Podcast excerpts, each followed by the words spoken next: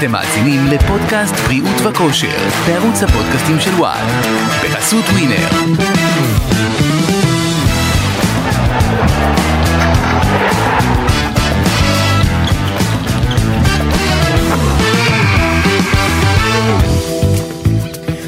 שלום שלום אה, לכם, פודקאסט בריאות אה, וכושר, אה, עוד פרק, והפעם אחד מעניין במיוחד עם סיפור מאחוריו וסיפור מעניין. אה, לינוב גזית כאן איתכם, לצידי שי לב, שי מה קורה?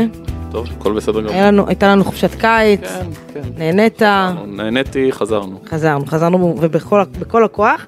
אה, נמצא איתנו אה, היום אה, בחור שיש לו סיפור מאוד מאוד מעניין ושאותי מאוד מאוד מעניין לשמוע ובכלל מעורר השראה. אה, שלום תומר גרידינגר? אמרתי נכון. כן, מה שלומך? מאוד שמח להיות כאן. אה, קודם כל אנחנו שמחים שאתה פה, זה, זה דבר ראשון. אה, אתה לשואלים, ונציג אותך, עוד לא בן 19, נכון? אה, מקום שישי, זכית לאחרונה במקום השישי באליפות ישראל בפאוור ליפטינג לנוער. כן, ומעבר לזה שזכית אה, במקום השישי, לא סתם זכית במקום השישי, כי אתה מתמודד עם סכרת נעורים לאורך חלק נרחב מהחיים שלך, נכון? כן. ספר קצת על זה. מתי גילית את זה, אה, איך, איך גילית את זה? גיליתי את זה שלושה חודשים לפני גיל 12. זה היום האחרון של החופש הגדול, עליתי לכיתה ו'. באותו יום, אה, קודם כל התחילו תסמינים כבר כמה חודשים לפני, תסמינים לסוכרת להורים שההורים שלי ואני לא ידענו שהיו תסמינים לסוכרת כמו מה? להורים. אה, שתיתי המון, הייתי מאוד צמא לאורך כל היום, בעיקר בלילה. השתנתי המון, כל חצי שעה, גם בעיקר בלילה, כל חצי שעה קמתי להשתין. אה, עייפות לאורך כל היום, אה, ריח לא טוב מהפה, ולא ידענו שזה תסמינים של סוכרת. והייתי בטיול באיטליה גם, לפני שגיליתי את הסוכרת, ובאיטליה כבר, בגלל כל הפחמימות שאכלתי, הפיצות והפסטות, איטליה כאיטליה, כן. אז כל התסמינים האלו כבר היו הרבה יותר... הכל החריף. אה, כן, הכל החריף, וכשחזרנו לארץ הלכתי לרופא משפחה, הוא אמר לנו ללכת לעשות בדיקות דם, ולפני זה לא עשיתי בדיקות דם שלוש שנים, עד אותה בדיקת דם, אז הלכתי לעשות כביכול בדיקות דם שגרתיות, וזה, ה- אז ביום האחרון של החופש, ביום האחרון של החופש הגדול הלכתי לעשות בדיקות דם, שאתה בטוח שהכל יחסית בסדר, כאילו, כן. מה, מה כבר יגלו? לא, הייתי בטוח שהכל בסדר. אמ, ואני זוכר שאז, אחרי הבדיקות דם, הלכתי עם חבר לבריכה, ליום כיף כזה. וסביבות השעה חמש, אחר הצהריים, כשכבר יש תוצאות לבדיקות, ההורים מתקשרים לאמא של החבר, ואומרים שאני חייב באופן דחוף להגיע לאשפוז ברמב"ם, כי היה לי סוכר גבוה בבדיקות דם, היה לי סוכר 270. ספ- סבר לנו את האוזן כמה זה נורמלי, מה הטווח הנורמלי? בין 70 ל-120, מאה- זאת אומרת 120 זה הגבוה בטווח הנורמלי. כן. והיה לך כמה? 270, 270, זאת אומרת כפול, יותר מכפול מה, מהסטנדרט, הגבוה. כן. ובאות, ובאותו זמן, מתי כשההורים שלי התקשרו לאמא של החבר, אני הייתי עם קרטיב ביד. אם לא 270 בוא נעלה את זה עוד קצת. טיפה. כן. אמ, נסענו לטיפול נמרץ ברמב"ם, עשו לי שם עוד בדיקת דם, גם בדקו האם יש לי חמצת, למזלי אין לי חמצת, אה, וברמב"ם גם היה לי סוכר 270, והודיעו לי שאני צריך להישאר באשפוז. במהלך האשפוז לימדו אותי איך להתנהל עם הסוכרת באופן מאוד בסיסי. אה, למדוד סוכר לפני שאני אוכל, איך להזריק אינסולין, למדוד אחרי האוכל. אה, באופן בסיסי איך להתמודד עם המחלה. איך קיבלת את זה? בתור אה, ילד. אז כשאני קיבלת, כשגיליתי שאני סוכרתי, אני הייתי ילד שמן. אני שקלתי כמו שאני שוקל כיום. ואני חשבתי שאני אשם. בדיעבד היום אני יודע שלא, כי סוכרת נעורים לא נגרמת מאכילה של הרבה פחמימות וסוכרים. אבל אז באותה נקודה שלא ידעתי את זה, שהייתי בן 12, הרגשתי שאני אשם. וכמובן שעד אותה נקודה כל הזמן אמרו לי שאני צריך להרזות, ושאני אה, במצב לא בריא, כי אני באובר משקל. אה, עברתי הרבה דיאטניות במכבי שלא עזרו לי, והרופא משפחה שכל הזמן אמר לי שאני צריך להוריד במשקל, סבא שלי שאמר לי שאני צריך להוריד במשקל, וכל פעם עד גילוי הסוכרת כשניסיתי להוריד במשקל, נכנסתי לאיזשהו תפריט מסוים, אחרי שלושה ימים נשברתי. כן. ופה הרגשתי שאני אשם במצב הזה. אמ, זו תחושה מאוד קשה. תחושה מאוד קשה. אמ, אבל, וגם הרגשתי שאני בסכנת חיים. לא רק, קודם כל כמובן סכנת חיים פיזית, כן. וגם סכנת חיים כאילו, על איך החיים שלי יתנהלו מעכשיו. כאילו חוסר ודאות שאתה לא מבין מה, מה הולך להיות מעכשיו. כן, שאני הולך, קודם כל איבדתי את החיים שהיו לי אז, כי לא, לא הייתה לי ברירה, הייתי צריך לעשות שינוי. אה, וזה, וזה, ובאמת פחדתי שמעבר לזה שאני חלילה יכול להידרדר למצב הרבה יותר גרוע באופן בריאותי, גם באופן נפשי אני יכול להגיע למצב הרבה יותר גרוע וגם החיים שלי יכולים, אה, איכות החיים שלי מאוד מאוד תיפגע, שאני רק אשמין עוד, שאני אהיה עוד יותר לא בריא. אה, כמובן השונות החברתית שזה מביא, מהמם. נראה לי יש פח, באוכלוסיית ישראל אולי חמישה עשרה אחוזים עם סוכרת נעורים, אז זה גם מביא שונות חברתית. אה, אבל קיבלתי החלטה שבאופן בסיסי אני נלחם על החיים שלי, שאני רוצה להיות בריא, אבל גם שאני נלחם על איכות החיים שלי, שאני לא רק רוצה להיות, אה, שאני כאילו לא רוצה פשוט לחיות, שאני רוצה גם להיות בריא ומאוזן ולרדת במשקל וגם להרגיש טוב עם הגוף שלי, כי כבר לפני זה רציתי להרזות ולא הצלחתי. כן. אז החלטתי שאני נלחם. החלטתי שאני נלחם כדי להרזות ולהיות בריא ולשפר את רמת החיים שלי. אמ, ומהרגע שיצאתי מהאשפוז, כמה זמן היית מאושפז? שבוע. הייתי מאושפז שבוע, וכשיצאתי מהאשפוז נכנסתי לתזונה דלת פחמימה. לא אכלתי פחמימה בכלל לאורך ארבע שנים, וואו. כן. ארבע שנים לא נגעתי בפחמימה, גם עד היום לא אכלתי פיצה, מא- מאז, מאז איטליה לא אכלת פיצה. לא אכלתי פיצה, כן. עד היום לא נגעתי, כבר שבע שנים לא נגעתי בפיצה. אמ, אז הייתי ארבע שנים תזונה דלת פחמימה, ירדתי במשקל, ירדתי 20 קילו במשקל. אה, כמובן שהתחלתי להרגיש הרבה יותר טוב עם עצמי והתחלתי לקבל מחמאות מהסביבה על השינוי שאני עושה לטובה, שאני נראה טוב יותר ושלקחתי את עצמי בידיים ושלקחתי את החיים שלי בידיים. אמ, ו... שוב, הרגשתי הרבה יותר טוב. אני רוצה רק שנייה, לפני שנמשיך עם העניין של המנטלי ושל הפיזי, והרי זה תהליך אה, גם באותה נקודה, ואני מניח שעברת גם עוד תהליכים שנכנסת לספורט הספציפי שאתה עוסק בו היום. נכון. אבל מי ששומע אותנו עכשיו, הוא שומע סוכרתי, הוא יודע אולי על זה משהו עם אינסולין ושצריך אה, להזריק, אבל אני, אני לא בטוח שיש מודעות מספיק, א', יש שני סוגים של אה, סוכרת, אני לא, אני לא חושב שיש מספיק מודעות, מה, מה זה אומר, מה זה אומר הסוכרת, אני לא מדבר מבחינה אה, מדעית, אני, מה, מה זה, מי שלא יודע מה זה, איך אתה מסביר לו את זה במילים שלנו, אז סוכרת נעורים מה שיש לי, כן, שנקראת גם סוכרת טייפ 1, זו סוכרת שבעצם הגוף תוקף את עצמו, מערכת החיסון תוקפת את התאים בלבלב שמייצרים אינסולין, קוראים להם תאי בטא, ומערכת החיסון פשוט משמידה את התאים האלו ואין אינסולין בגוף. אז הסוכר לא יכול לרדת, כי נסביר, האינסולין זה מה שמוריד את רמות הסוכר בדם. כן, האינסולין אה, גורם לגלוקוז להיכנס לתאים.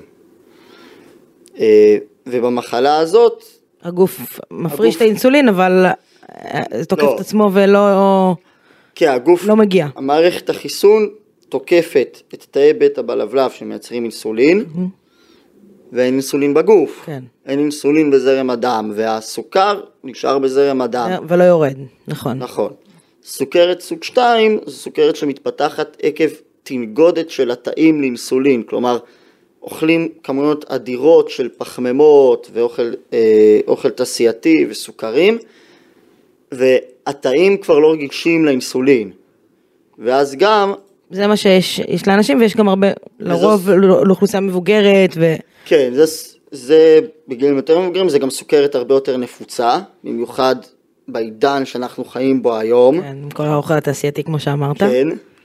אז, ב- אז, אז בעצם התהליך שאתה חווה זה שאתה אמ, למעשה כל הזמן צריך לבדוק את הרמה של הסוכר בדם ברמה שהיא גבוהה מדי, צריך להזריק אינסולין שהוא בעצם מסונטז, זה כאילו אינסולין שנמצא בתוך אה, מזרקים או בכל צורה כן. אחרת. ועוד דרך להתמודד, אתה מתאר תהליך שפשוט ארבע שנים לא אכלת פחמימה, אני מניח לא. ש...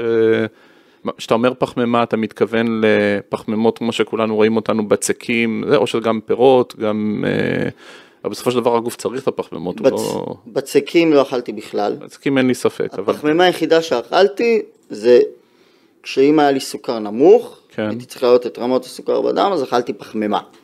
חוץ מזה, לא אכלתי פחמימה. פחמימה שהיא מה? איך היא באה לידי פרי, ביטוי? תפוח, אה, פרוסת לחם. ומתי מתי אתה בעצם נתקל במצב של סוכר נמוך אחרי ספורט, אה, שאתה מתעורר בבוקר, באיזה מצבים בעצם הסוכר נמצא אה, במצב שהוא נמוך? אחרי, ספורט,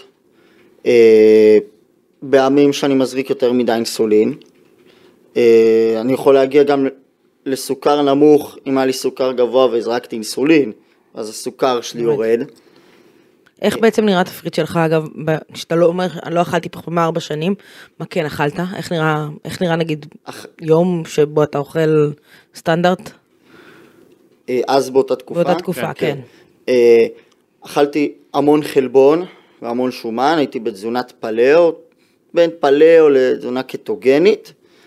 אה, אכלתי בבוקר חמש ביצים עם קוטג', צהריים אה, בשר, אה, בשר בקר עם אה, שועית ירוקה וטחינה, אה, ובערב אה, או בשר פגע, או, או בשר בקר או בשר עוף עם אה, שועית ירוקה וטחינה. ו- ואתה מדבר איתי עכשיו על ילד בן 14, 15, 16, אה, זה הגילאים. כן, ובגילי, ובגילי 14-15 אני שיחקתי כדורסל. אני בכלל לא הייתי בכל העולם הזה של חדר כושר, פיתוח גוף, פאוור ליפטינג. אני שיחקתי כדורסל, גם היה לי חלום להיות שחקן כדורסל, אבל אני מטר שבעים וארבע, זה לא, זה לא קרה. זה נשאר בגדר חלום. כן. אז, אז, אז החבר'ה יש סתם מסיבת כיתה, חבר'ה הולכים לאיזה מסעדה, אה, יש יום הולדת, איך אתה בראש מתמודד עם הדברים האלה? דבר ראשון, אני מהרגע הראשון הייתי מאוד גלוי עם הסוכרת. לא התביישתי לספר לאנשים שאני סוכרתי. אה, לא התביישתי להזריק אינסולין מול כולם, למדוד סוכר מול כולם. כמובן שגם עכשיו, כל פעם שאני מזריק אינסולין, אני תמיד מסתכל, כאילו בוחן את העיניים של כולם, לראות האם מישהו מסתכל ושואל, ותוהה לעצמו מה אני עושה. כן. אמ, אבל הייתי מאוד פתוח עם זה, לא התביישתי בזה, אמ, ובכל מיני אירועים חברתיים כאלו של אה, מסיבות אה, ימי הולדת, שאני נפגש עם החברים שלי באופן מצומצם, אני פשוט לפי המגבלות שלי, לפי מה שאני יכול לאכול, אני מזריק אינסולין, לפעמים אני לא אוכל, יש רגישות אבל מבחינת הסביבה, אתה בא ליום הולדת, יש פתאום אה, קוביות גבינה צהובה במקום אה, עוגה, או שאתה פשוט, אתה מגיע, אתה יודע מה אתה יכול ומה לא, ו- היו, היו הרבה מקרים שהגעתי לאירועים מסוימים והיה שם הרבה אוכל שאני לא יכול לאכול וזה לא הפריע לי. אמ, גם ברגע שהתרגלתי לא לאכול את כל המאכלים האלו, גלידות, כן. פיצות, עוגות, זה כבר לא חסר לי. אם אתה תשים לי עכשיו מולי פיצה, אני אהיה מת לאכול את כל המגש. כן. אבל זה כבר לא חסר לי וזה זה לא הפריע לי. גם כשאני נפגש עם חברים ורואים כדורגל, הם מזמינים פיצה ואני נגיד מזמין המבורגר, בלי לחמ... מזמין המבורגר אה, 400 גרם ומעלה עם אה, כן. גבינה ובייקון למעלה וביצת העין בלי הלחמנייה, והם אוכלים פיצה, או שאני אפילו לא אוכל בכלל, רק יושב איתם, רואה כדורגל. אבל יש רגעים שאתה אומר לעצמך, חבר'ה, איפה הרגישות? איפה זה, או שאתה אומר, "אה, אף אחד לא צריך לעצור בגללי, אני... אתה יודע מה? היום כבר לא שואלים אותי, ולמה הם כבר לא שואלים אותי? כי בהתחלה שאלו אותי אם זה בסדר, וזה באמת לא הפריע לי. אוקיי. אמ,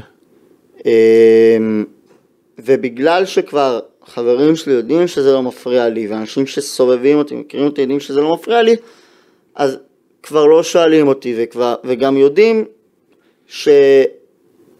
קודם כל שאני באמת מסתדר, אה, כמובן יודעים על התפריט תזונה שלי ועל אה, כל, כן. כל הקרבות שאני עושה מבחינת תזונה וזה שאני מקפיד ושומר. ו... שוב, יודעים שזה באמת לא מפריע לי. אה, ובכלל, בלי קשר לאירועים, איזה סוג של תמיכה אתה מקבל אה, מהמשפחה, מהחברים? אה, אני, אי אפשר להיות בזה כל הזמן לבד. צריך ברור. מדי פעם מישהו שירים אותך. ברור. אה, תמיכה מאוד גדולה מהמשפחה. כמובן, כרמי אמא ואבא שחיים איתי בבית, אני גם בן יחיד. כן. תמיכה מאוד גדולה מהחברים, כמובן גם התעניינות על אה, למה אני מזריק את זה, מה אני נגיד צריך לעשות עכשיו כשיש לי סוכר נמוך, מה אני צריך לעשות כשיש לי סוכר גבוה. אה, יש אכפתיות. אה, לפעמים גם האכפתיות הזאת זה משהו שמציק לי. כאילו לפעמים אני מעדיף להתמודד עם זה בעצמי. אה,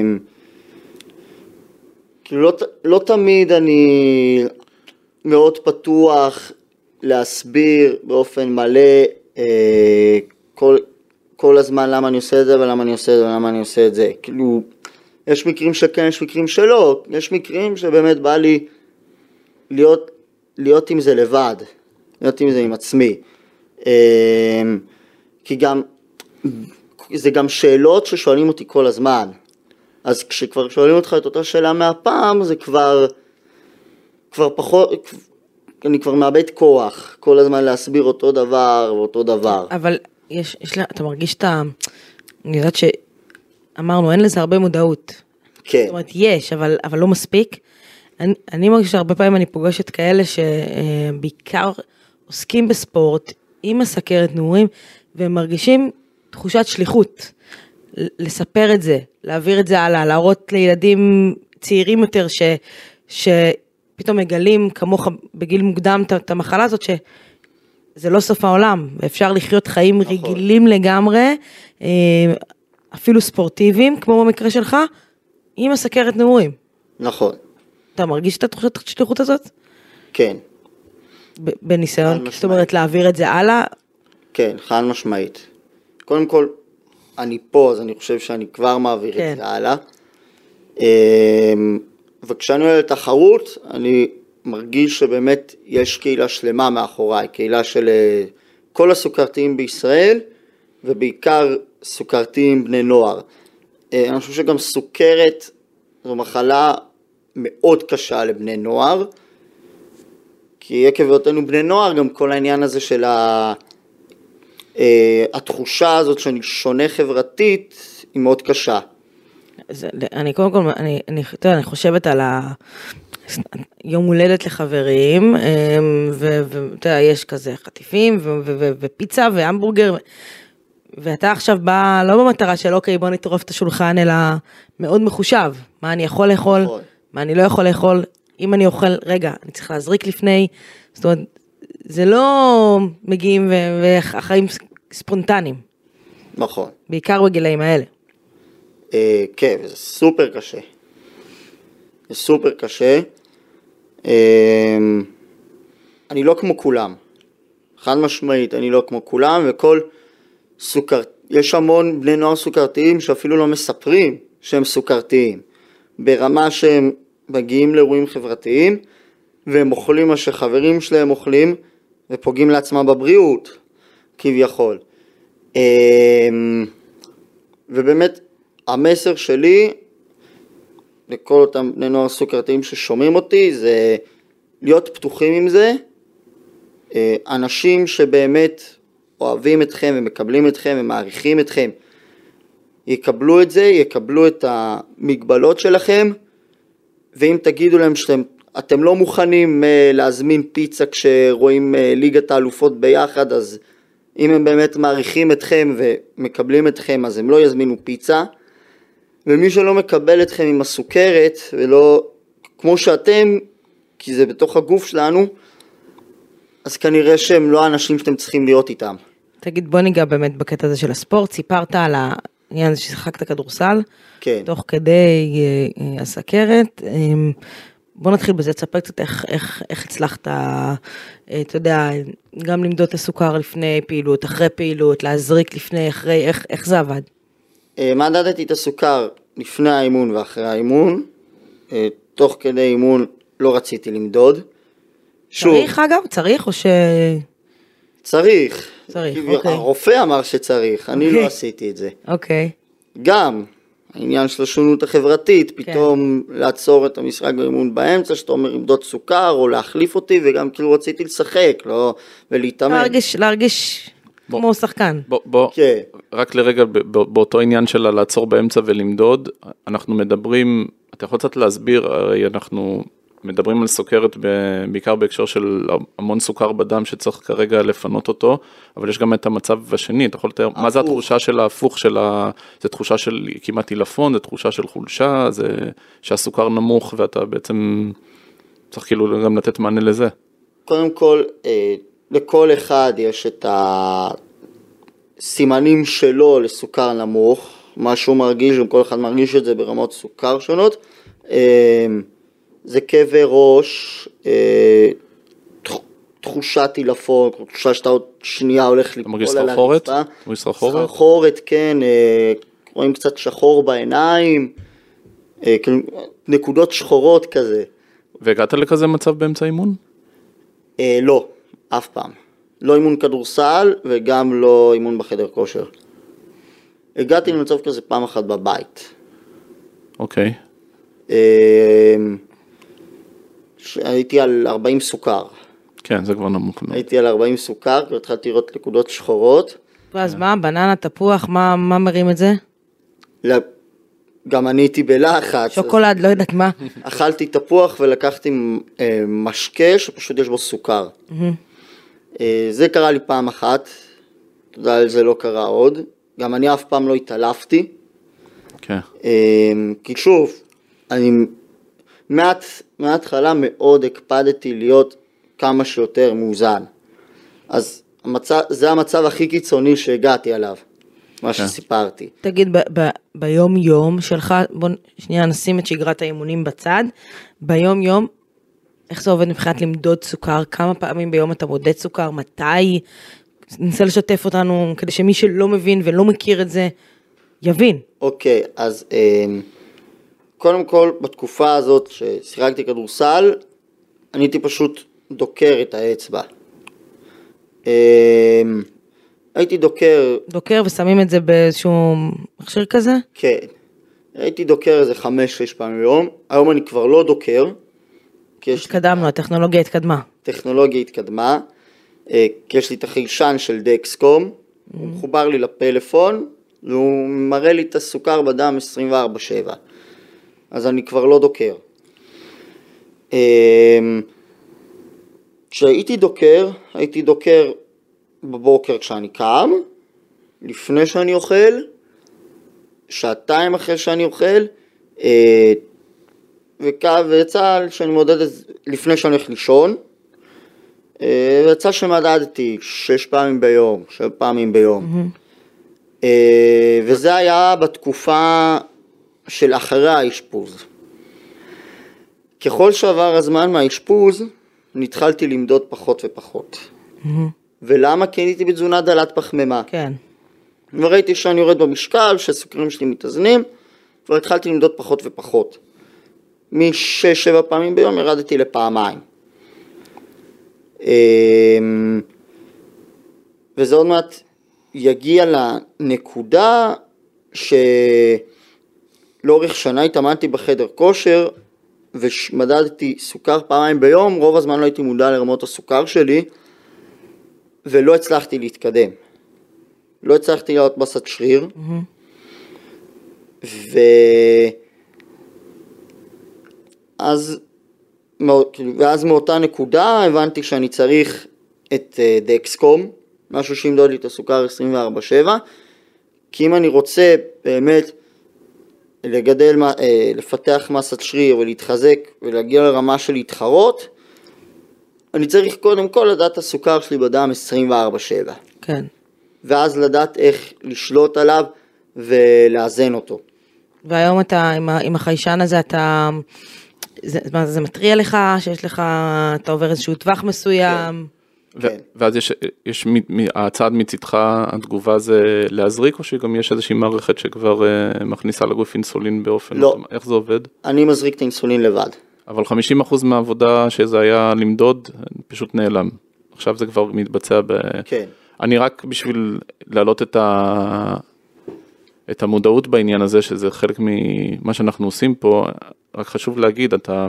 אנחנו מדברים על מדידות של סוכר בעניינים של לשפר אה, מסת שריר ואולי לא להרגיש טוב ולראות את הנקודות השחורות, אבל למי ששומע צריך להגיד, זה לא... אה, זה לא איזושהי מחלה קטנה, כאילו לא. התופעות שאפשר להגיע אליהם זה כאילו, זה דברים כבדים מאוד, עניינים של גפיים ורגליים וידיים, וצריך להבין שזה לא איזה תופעות של קצת חוסר נוחות בחיים, זה יכול, מי שלא מקפיד, זה יכול להגיע למצבים הרסניים. נכון מאוד.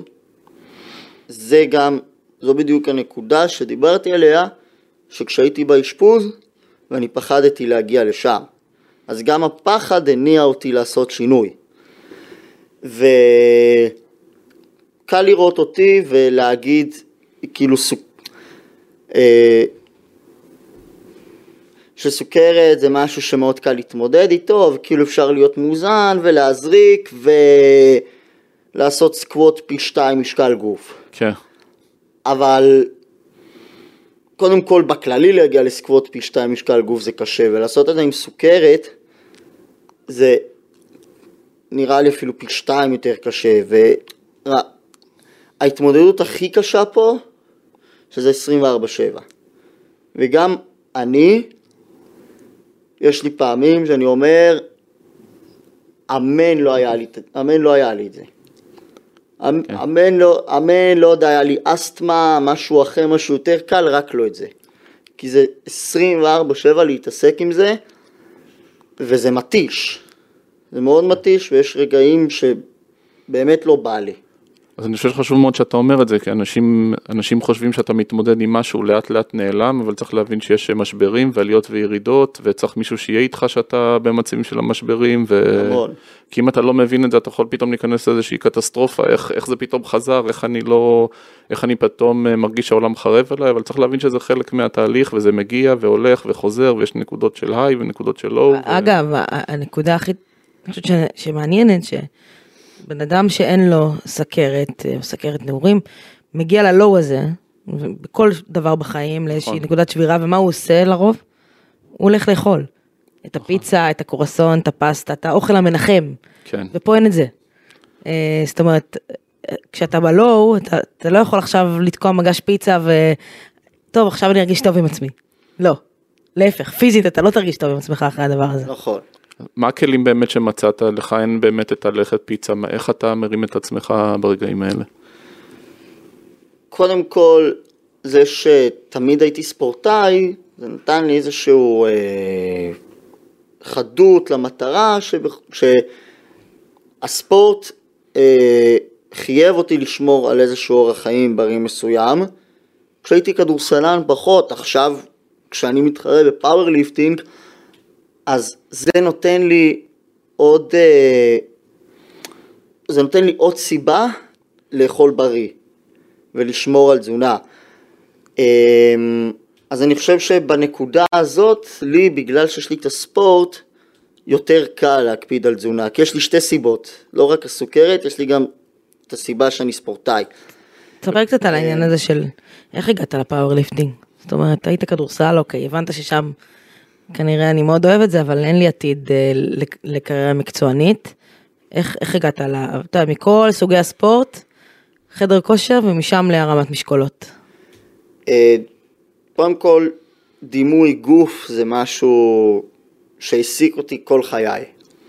כי הייתי שמן, הייתי מאוד רזה, ועכשיו אני, ועכשיו אני שרירי וכאילו, ואני הולך ברחוב ורואים שאני מתאמן. אמ, ובג... ובגלל שפרשתי מכדורסל, שגם איבדתי שם את החשק כבר בכדורסל, חדר כושר זה כאילו, אני חושב שלא היה לי משהו אחר לעשות, בגלל כל העניין הזה של דימוי גוף. וכששיחקתי כדורסל הייתי ילד מאוד רזה. הייתי גם מטר שבעים וארבע, שקלתי חמישים ושבע, חמישים ושמונה קילו. כן. ושוב, לדעתי לא הייתה לי אופציה אחרת, חדר כושר. וכבר לפני שפרשתי מכדורסל, אמרתי, הדבר הבא שאני הולך לעשות זה שאני הולך להתאמן. אז עוד לא חשבתי על powerlifting. אמרתי שאני רוצה ללכת להתאמן בשביל לפתח מסת שריר ולראות טוב יותר. אמ, ובשנה הראשונה שהתאמנתי והשקעתי, זה גם הייתה שנת קורונה, אז אני התאמנתי בבית. אני קניתי מגבילים הביתה ומוט מתח הביתה ו... אה, ומשקולות הביתה עם פלטות קטנות כאלו ומוטות והתאמנתי שש פעמים בשבוע בבית והתוצאות שרציתי לא הגיעו. זה בגלל הסוכר, מה שסיפרת לנו. אני לא ידעתי לנהל את הסוכר שלי. לא ידעתי לנהל את הסוכר שלי.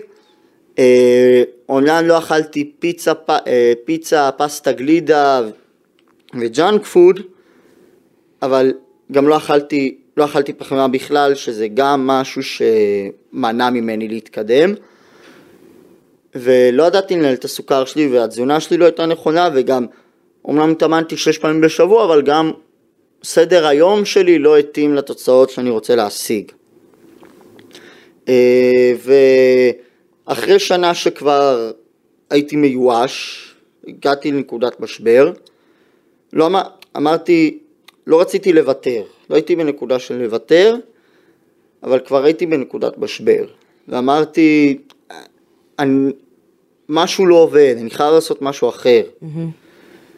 אה, והגעתי לתזונאי סוכרתי, שהוא לימד אותי, קוראים לו תומר פפן, אני גם מזכיר את השם שלו כי מגיע לו, אה, הוא לימד אותי לאזן את רמות הסוכר שלי בדם, אה, פיתח לי תזונה שהיא יותר נכונה, זאת, זו לא התזונה שאני איתה היום, כי התזונה הזאת עדיין לא התאימה למטרות שלי.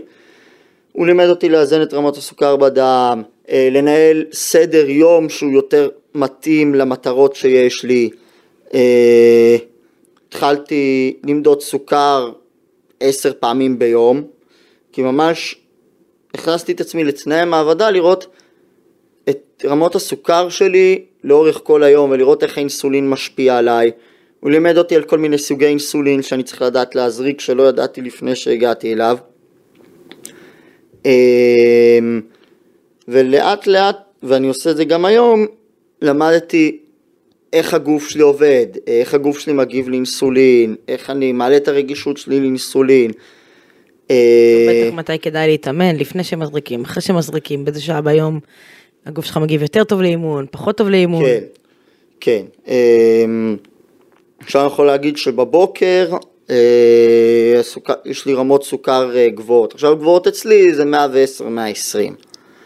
אה, אני אוהב מאוד להתאמן אחר הצהריים. זה השעה שהכי מתאימה לי. אמ, וכשהגעתי לאותו תזונאי, גיליתי שרמות הסוכר הממוצעות שלי בדם, כשהגעתי אליו היו באזור 160-170. ולא, ושוב, אני הייתי בטוח שאני מאוזן כי אני לא אוכל פחמימה.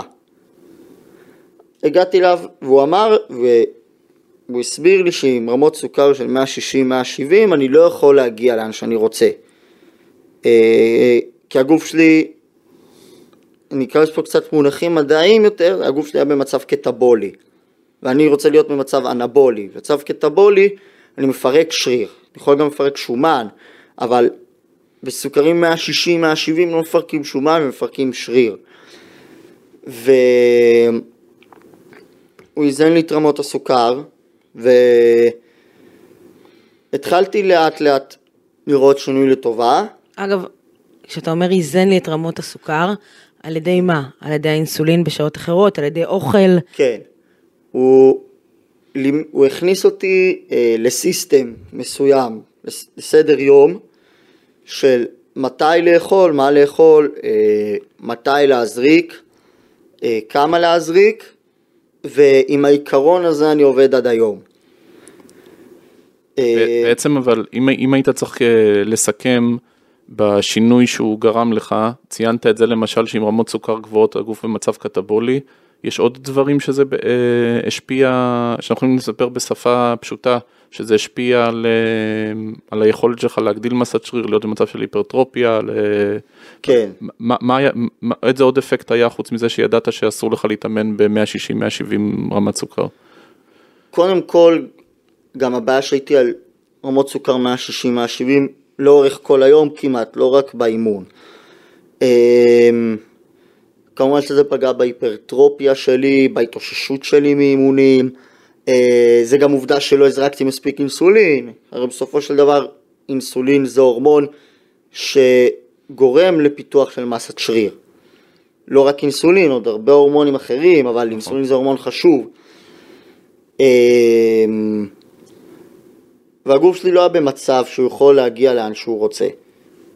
אה, ואני חושב שגם היום הגוף שלי הוא לא במצב של אה, להגיע, כלומר, אני מאוד ריאלי עם עצמי, אני רוצה להגיע עוד מאוד רחוק ב powerlifting.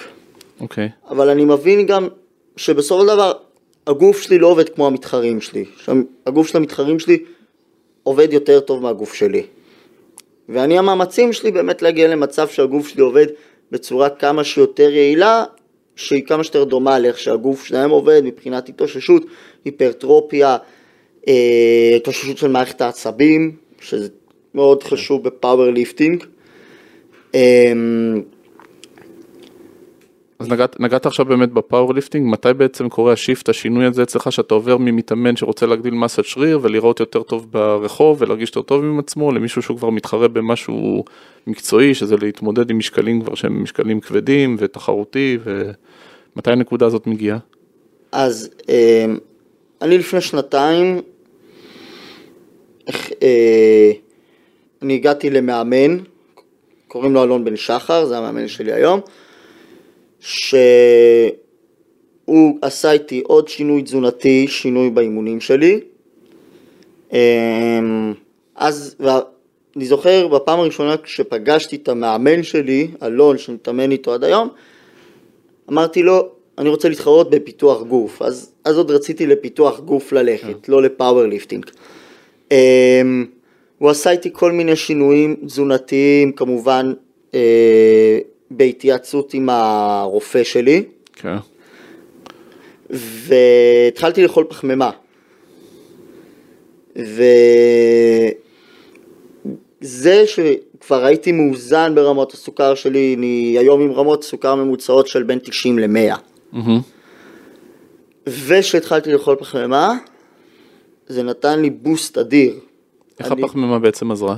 כי הרגע דיברנו על זה של, על ההפרעה של הרמות סוכר, ועכשיו אתה מדבר על משהו הפוך, על זה שהפחמימה עזרה לך. כן. אמ, קודם כל אני אוכל את רוב הפחמימה שלי אחרי האימון. ולמה אחרי האימון? כי אחרי האימון התאי שריר רגישים לאינסולין, כי באימון נוצרים קרעים בסיבי שריר, ובעצם גם השרירים גדלים בהתאוששות מהאימון. אז כדי להתאושש מהאימון, השרירים צריכים אנרגיה, והם צריכים את הפחמימה הזאת. אה, והפחמימה, זה, הפחמימה יכולה לזרז את התהליך של ההתאוששות, וכך גם לזרז את התהליך של המסת שריר, אה, של הפיתוח של המסת שריר. ו... אבל שוב, זה כמובן בשילוב של רמות סוכר מאוזנות. כי אם אני הייתי אוכל פחמימה ולא הייתי עם רמות סוכר מאוזנות, לא הייתי מגיע לאיפה שאני היום. זה חייב ללכת ביחד, שזה אתגר עוד יותר גדול. כי כביכול פחמימה זה סוכר. כן. אז זה משהו שהוא אה, מנוגד לסוכרתיים. אה, אז זה גם מאמץ גדול באמת לחבר בין שניהם יחד. אה, וזה שהייתי מאוזן, הייתי עם רמות סוכר של בן אדם בריא וגם היום אני- אני עם רמות סוכר של בן אדם בריא, אולי אפילו עם רמות סוכר טובות יותר משל בן אדם בריא, ושאני אוכל פחמימה בצורה נכונה, קיבלתי בוסט אדיר, אני עלי, עליתי במשקל, עליתי במסת שריר בקצב אה, מדהים, אני היום שוקל 78 קילו. אוקיי, ו... ו- בוא נגיד, איך, אתה מחליט על אה, תחרות, אה, ללכת לתחרות ראשונה, איך אתה מקבל את ההחלטה, איך משתנים החיים והאימונים בעקבות זה? אז אני נכנסתי ל powerlifting אה, בגלל המכון שאני מתאמן בו. מהמם. במכון שאני מתאמן בו יש המון פאורליפטרים. והסתכלתי עליהם וישר נדלקתי. אמ, והתחרות הראשונה שלי הייתה בדצמבר 2022. אני קיבלתי את ההחלטה להתחרות ביולי 2022. מהמם. אה, ספציפית גם ב powerlifting, אני מתאמן קצת יותר משנה, בחדר כושר כבר שלוש שנים. ספציפית powerlifting, אה, שנה וכמה תוך חודשים. חצי שנה מרגע שאמרת, טוב, אני רוצה להתחרות בזה, הלכת לתחרות. כן. כמה אימונים בשבוע זה, כמה, מה זה אומר מבחינת ההכנה? אמ, יש, זה, יש שינויים, זה לא משהו שהוא נשאר קבוע. אמ, למשל, יש תקופה שאני מתאמן, זה, זה לרוב נע בין ארבעה לחמישה אימונים. אמ, אני עכשיו בתחרות שהייתה לי באוגוסט, כבר כשהתקרבנו לתחרות, אני התאמנתי ארבעה אימונים בשבוע במקום חמישה. אה, הפחות אימון זה בגלל הס- הסוכר, או הפחות אימון לא. זה בגלל התחרות וסוג הספורט? בגלל שהיו לי שני אימונים בשבוע מאוד כבדים, שהתרכזו. במה שעושים בתחרות, שזה סקווט בנץ' דדליפט, שזה משהו שהתחלנו חודש וחצי לפני התחרות. אמ, אבל רוב הזמן, אה, רוב, רוב התקופה בשנה זה חמישה אימונים בשבוע. אתה אה, עושה גם אה, ספורט אירובי, או שלא עושים אירובי? רק הליכון אני עושה. הליכון כריצה, הליכון כהליכה? הליכה, כן. ויש, והאימונים יותר הם, הם רכיבים של אה, כוח מתפרץ חוץ ממסת שריר, או שזה עדיין אה, אימונים די דומים ל, לחדר כושר, בוא נגיד למתאמנים היותר מתקדמים? או שיש פה רכיב, בדרך כלל שאנחנו, ב, בדרך כלל כשאנחנו מתעסקים עם משקלים מאוד כבדים, אז בדרך כלל האימונים הם לא ממש זהים למי שרוצה רק להעלות מסת שריר, או יש לנו פה כאילו רכיב שהוא ממש תחרותי, להתמודד עם נכון. משקל מסוים, זה לא בדיוק אותם אימונים. נכון. קודם כל פאוורליפטרים, מעבר לזה שעושים squat bench deadlift, גם עושים אה, תרגילי עזר. תרגילי עזר לכתפיים, תרגילי עזר לכל איבר בגוף, כתפיים, חזה, יד אחורית, יד קדמית, רגליים, אה, ששם יכולה להיות יותר היפרטרופיה ועלייה של מסת שריר. אה, אבל כן, זה ספורט של כוח. בוא, בוא, בוא רק בשביל אה, ש, שנקבל איזשהו מושג, אה, אמרת שאתה שוקל היום אה, 78? 77, 78. 78 קילוגרם, כמה- תן לנו בערך את המשקלים שלך בבנץ', בסקווט שהרמת. ובדדליפט. אה, השיאים האישיים שלי זה בבנץ' 110, כן, סקווט 150 ודדליפט 180. כפול מהמשקל שלך. כן, רק נגיד למי שלא יודע, בסדר גודל שאתה מדבר של אה, משקל שיותר מהמשקל גוף בבנץ' ומשקלים שהם בערך פי 1.5 פי 2 בסקווט, אנחנו מדברים על אחוז מאוד מאוד נמוך באוכלוסייה שיכולים לעשות את זה, זה כן. צריך להבין את זה, זה לצערי בתחרות לא הגעתי למספרים האלו. כן. רק בסקווט הגעתי ל-150, גם בתחרות אני שקלתי 74-600. כן, אז זה משפיע. בתחרות לי יותר טעויות טכניות של חוסר ריכוז. אני פיזית בתחרות האחרונה הרגשתי מאוד טוב. גם הסקווט שלי היה מאוד טוב. אז במח... אז כמובן שכאילו בתחרות האחרונה, אומנם סיימתי מקום 60 מתוך עשרה, אז כן. זה הישג עבורי, אבל יצאתי בתחושת פספוס, כי רק הס... הסקווט שלי הלך מדהים, יש, גם התחרות בנויה, שוב, סקווט, בנץ', דדליפט, יש שלוש הרמות בכל תרגיל. כן. אז בסקווט היו לי שלוש הרמות אה, טובות, ובלחיצת חזה הייתה לי רק הרמה אחת טובה, הרמה הראשונה, שזו הרמה, אה, שוב, כל מתחרה עם האסטרטגיה שלו, אצלי, אני בח... ברמה הראשונה שלי בבנץ', אני לקחתי משקל מאוד נמוך, 97 וחצי. כן. בגלל שפסלתי את השתיים הבאות, עשיתי רק 97 וחצי בתחרות. אוקיי. ובדדליפט עשיתי 175, כיוונתי ל-180.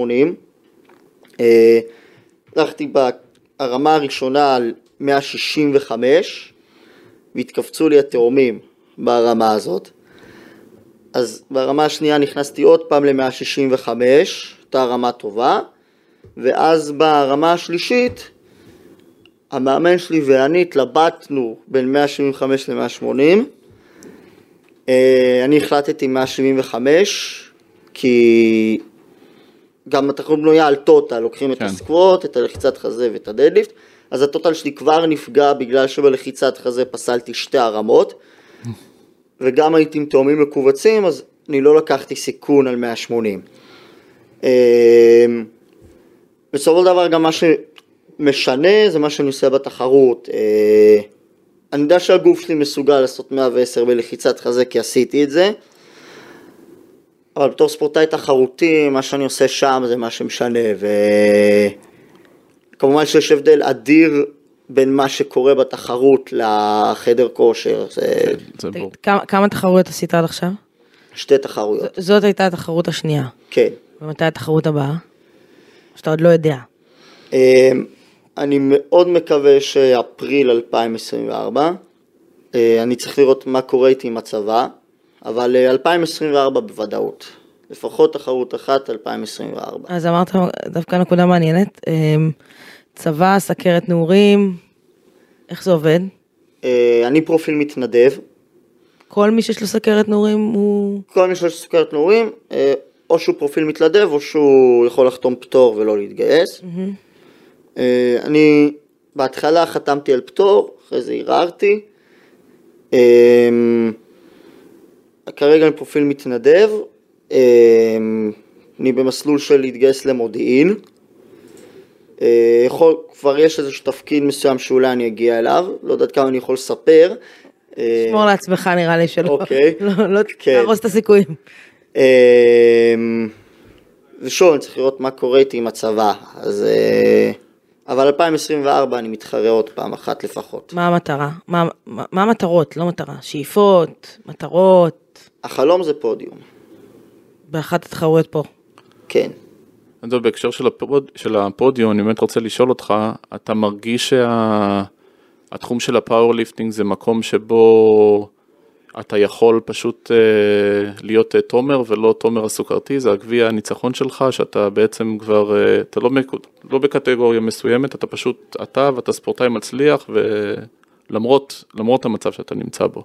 לא, לא כל כך הבנתי את השאלה. אני שואל אם, ה, אם ה powerlifting זה המקום שבו אתה, אמרת קודם שאתה לפעמים שואל אותך למה אני ולמה דווקא אני עם הסוכרת, אם זה המקום ששם אותך במקום השני של אני יותר טוב מרוב האוכלוסייה, שזה איכשהו מאזן לך את ה... מבחינה מנטלית איך שאתה תופס את עצמך. אמ, כאילו מה המניע הנפשי שלך ב powerlifting, מה מושך אותך לזה כל כך, שזה שם אותך במקום אחר, שזה... עכשיו זה פשוט להרים עוד משקל. זה תמיד מגיע לאיזה משקל מסוים, כבר יום אחרי יש כבר משקל אחר ביד. אמ, אני יודע שאני יותר חזק מרוב האוכלוסייה, זה מחמיא, זה נחמד, אבל אה, בתור ספורטאי תחרותי, אני רוצה את התוצאות, מחמאות זה פחות, אה, המחמאות זה נחמד, אבל אני לא עושה את זה בשביל המחמאות אם אני הולך להתחרות. גם בסופו של דבר, אם הייתי עושה את זה בשביל המחמאות, לא חושב שהייתי הולך להתחרות. כלומר, ברור שאני מקבל על זה מחמאות, שאני מתחרה ב powerlifting, באליפויות ישראל, אבל בסופו של דבר אני ספורטאי תחרותי ויש לי תוצאה שאני רוצה להשיג. אוקיי. אז אה, המחמאות זה... זה קצת עובר לידי. לפעמים, לפ... זה, זה, זה כיף, זה טוב לשמוע, אבל... אה, אתה צריך גם להגיד, זה לא רק המחמאות, היום אתה גם דיברנו על זה קודם, היום אתה כבר אה, פרזנטור של דקסקום, של כן. ה- שמה שתיארנו קודם, שמודד לך את רמות הסוכר בלי שאתה צריך לעשות את זה, כאילו כבר מיצבת לעצמך, אתה כבר, אה, אתה דמות, אתה לא עוד, אה, מתאמן פה. נכון. אני נכון. אני מניח שזה גם תורם להרגשה אישית. ברור זה טוען מהרגשה אישית. אה, כמובן שעבדתי מאוד קשה בשביל אה, להגיע לפה, אה, להיות פרזנטור של דקסקום. גם חשבתי על זה לאורך הנסיעה לפה, באמת על הדרך המטורפת שעברתי כדי להגיע לכאן. כן, באת מחיפה, היה לך הרבה זמן, הרבה זמן לחשוב. אה, חשבתי על השלושה שערים של שימיץ' בפתח תקווה. יש פה עוד בן אדם בחדר שחשב על זה. כן. הרבה, הרבה מאיתנו, כן. חשבתי על ה... כאילו באמת, מאשפוז ברמב"ם, על להגיע לפה, להתראיין בוואן. גם כשנכנסתי לפה למשרדים, כאילו ראיתי את הלוגו של וואן ולא האמנתי שאני פה. שזה באמת, כאילו זה באמת חלום. אמ, לא כל כך מעכל את זה. אמ, אבל בסופו של דבר גם, שוב, אני חי את החלום, כי החלום היה, החלום היה להיות powerlifter תחרותי. אני חי את החלום הזה ואני עובר מתחרות לתחרות, אמ, אבל החלומות כל הזמן משתדרגים. וכמו שאמרתי, החלום זה פודיום. ואני יודע מה זה ידרוש ממני, גם ככל שהחלומות גדולים יותר, זה דורש יותר, יותר הקרבה, יותר משמעת עצמית, יותר חוסן נפשי. אני יודע מה זה ידרוש ממני, אמ, ואני באמת מוכן לעשות הכל בשביל להגיע לשם. אז אנחנו באמת, אני חושב, אה, נחכה שתגיע לפודיום ונשמח לדווח על זה ב- בוואן. גם אנחנו, אה, אני חושב שאני מדבר בשם שנינו, מתרגשים שאתה פה, ועם כל המסע שאתה עושה ומה שאתה משדר והמסר שאתה מעביר אה, לכולם. חושב ש... אנחנו תמיד מאחלים, אה, שואלים את הבן אדם בסוף מה, מה הוא מאחל לעצמו, אז אני חושבת שזה די ברור, אחד כן, הוא אמר כן. פודיום, ואני חושבת שזה דבר ברור שכאילו אנחנו שואלים ואז תמיד הם עונים, זה בריאות, אז נראה לי שבמקרה הזה זה, זה ככה הכי פודיום, ברור אה, לכולם. פודיום, ונגמר? לקראת- מתחילים לקראת, אתה יודע, אנחנו יכולים לדבר פה עוד. אז אה, כן, החלום זה פודיום. אבל יש שם, שם המון מתחרים שהם הרבה יותר חזקים ממני, שאני מאוד מעריך אותם, אני חושב שזה ספור, ספורטאים מדהימים וזה באמת כבוד להתחרות עם ספורטאים כאלו, שזה באמת האנשים הכי חזקים בישראל. אני רוצה להגיד לך משהו אחד על זה, שכל אחד שמתחרה יש לו את הסיפור שלו ואת הדרך שלו ואת נכון. הדברים שהוא עובר, אבל אף אחד לא עובר את מה שאתה עובר. תזכור את זה. זה ללא ספק. אמ, זה אני לא יודע, אני יודע מה אני עובר וזה בדיוק הנקודה שרציתי להגיע אליה זה ששוב החלום זה פודיום אבל גם אה, באמת לה, להעריך את הדרך שאני עושה אה, כי אני באמת חושב שאני עושה משהו גדול וכמו שאמרתי, אני מתחרה מול ספורטאים מדהימים שאני מאוד מעריך וגם אנשים מדהימים. אה, גם באמת בני נוער מאוד חזקים שאני מקווה שאני אגיע למשקלים שהם מרימים. באמת מאוד חזקים, מאוד מרשימים. ולמרות זאת, שהם יותר חזקים ממני, אה, באמת להעריך את עצמי ואת הדרך שאני עושה, ולהביא את הפודיום. אתה אומר שיהיה בהצלחה, אנחנו נעקוב. רבה. אה, נעקוב אחריך, אז תזכור את זה. אה, שי, תודה. תודה תודה, לכם. תומר, אה, היה. כיף ותענוג. אה, אנחנו ניפגש פה בפודקאסט הבא. ביי ביי.